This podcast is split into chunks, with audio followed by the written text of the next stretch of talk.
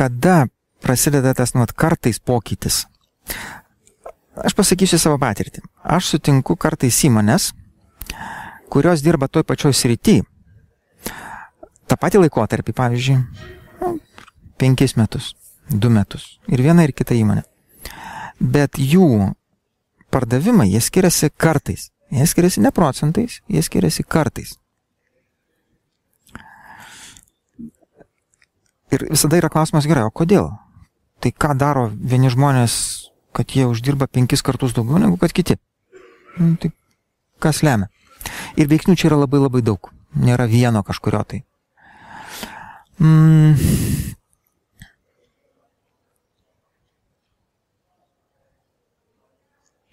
Yra viena mintis arba viena idėja, mat kaip, kaip kuriamas verslas efektyvus verslas, kaip, turi, kaip turėtų būti kuriamas.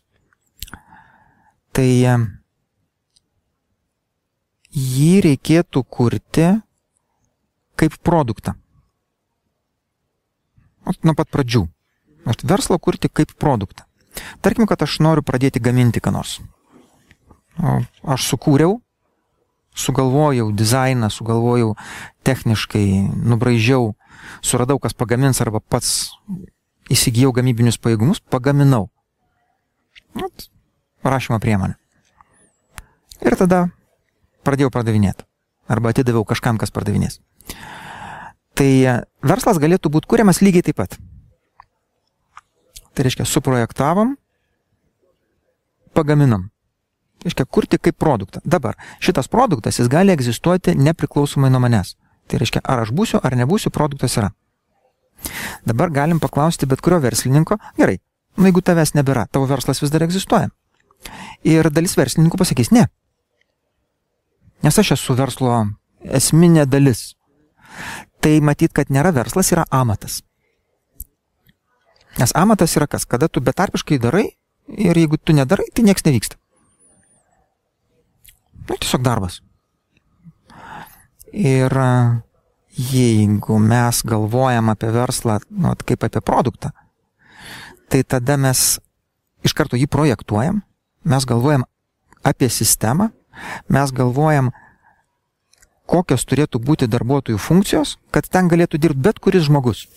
Tai reiškia, mes funkcijas kuriam ne pagal žmogų, bet kuriam funkcijas pagal tai, kokios ateities mes norim, koks jisai turi būti tas verslas ir parenkam žmonės priklausomai nuo to. Aišku, pačioj pradžioj, kada yra mat, vienas verslininkas su savo artimiausia aplinka, nu, jisai pradeda tą verslą, tai dažniausiai būna taip, kad nu, tiek pats būdas, tiek funkcijos, jos priklauso nuo pirmųjų žmonių. Tai tokia pradžia gali būti. Bet projektuoti į ateitį vis tiek reikėtų priklausomai nuo to, ko aš noriu iš ateities. Ir dabar, kuo geriau jisai veikia kaip mechanizmas, tuo mažesni kaštai, ir tuo geresnis rezultatas. Tai, nu, pavyzdžiui, nu, kartais tenka sutikti įmonės, kurios išaugo iš mažos į didelę. At, visai neseniai bendravau su įmonė, kur buvo 20 žmonių, 30 žmonių ir per pusę metų jie išaugo iki 200 žmonių. Ir yra didelė bėda, labai sunku. Dėl ko? Dėl to, kad valdyti 20 žmonių įmonę ir valdyti 200 žmonių įmonę yra du skirtingi procesai, visiškai kitokie yra. Ir dabar jeigu mes nesugebam suvaldyti to proceso, tai pas mus nukris apyvarta, pas mus padidės kaštai ir tikimybė, kad mes išgyvensim, jinai sumažėja. Jinai krenta. Tai nu, galim va, čia ieškoti toj vietoj priežasčių. Vienos rūšies priežastys. Kad mes net neturim aiškios struktūros, nėra to mechanizmo, kuris sukasi. Taip, kaip turėtų suktis. Kas yra mechanizmas? Yra aiškios funkcijos, yra aiškus tikslai darbuotojų žmonių, mūsų pačių, yra tikslas ateityje, kurį mes norim pasiekti, mūsų kažkokia tai vizija.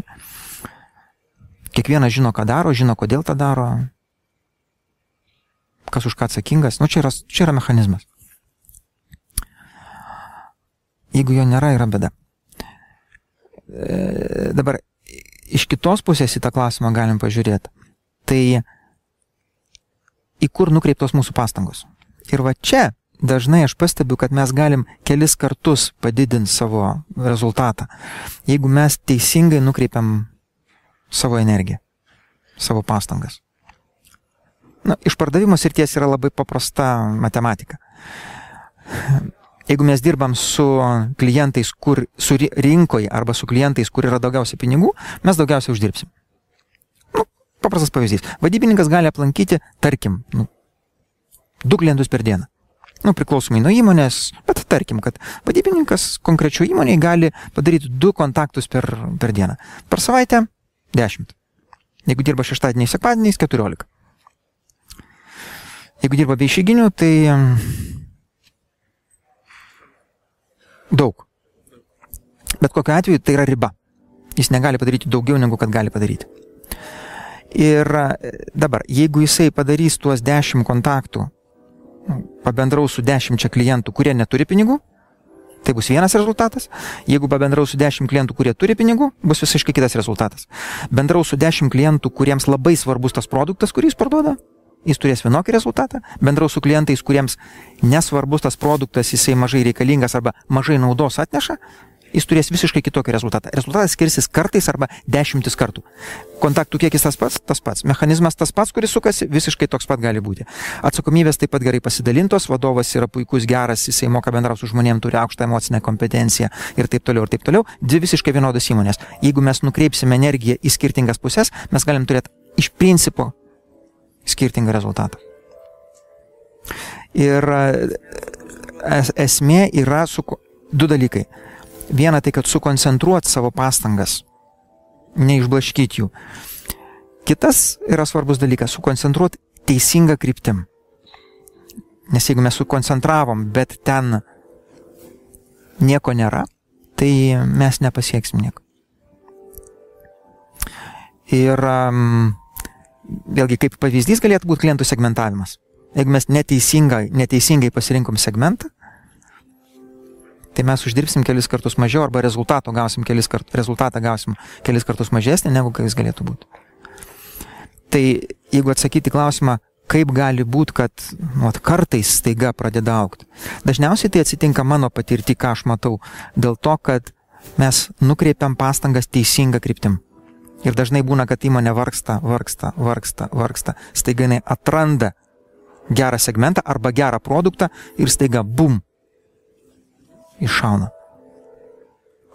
Gali būti, kad ateina produktas. Galbūt mes nusiperkam produktą. Nuvažiavam į parodą, pamatėm produktą, staiga supratom, kad mūsų segmentui, kuriam mes dirbam, čia yra fantastinis dalykas.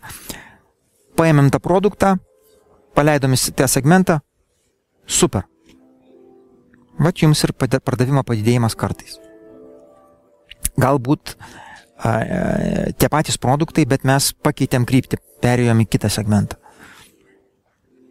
Galbūt susikoncentravom. Sukoncentravom pastangas vietoj to, kad mes plačiai tą darytumėm. Va, pavyzdžiui, viena iš mano žinomų kompanijų, vienas mūsų klientas, susikoncentravo į labai mažą kiekį klientų. Vietoj to, kad jie dirbtų su 600 klientų, jie pradėjo dirbti su 60. Ir staiga rezultatas. Tai visada vertinti, kiek klientų, klientų sukūrimo vertė, kiek jis duoda mums gražos. Taip, taip, čia yra du, du, du, du, iš dviejų pusių. Iš vienos pusės, kiek mes galim duoti klientui naudos, nes jeigu aš nieko klientui neduodu, nu, tai aš, žinai, tikimybė, kad iš jo gausiu, yra nu, menka. Aš galiu iš jo gauti, bet tai netruks ilgą laiką, nes jeigu, nu žiūrėkit, pagalvokim kaip klientai, jeigu jūs nieko negaunat iš tiekėjo, nu kiek laiko jūs su juo dirbsit? Nu negaunat naudos, arba ta nauda yra menka. Jūs keisit jį.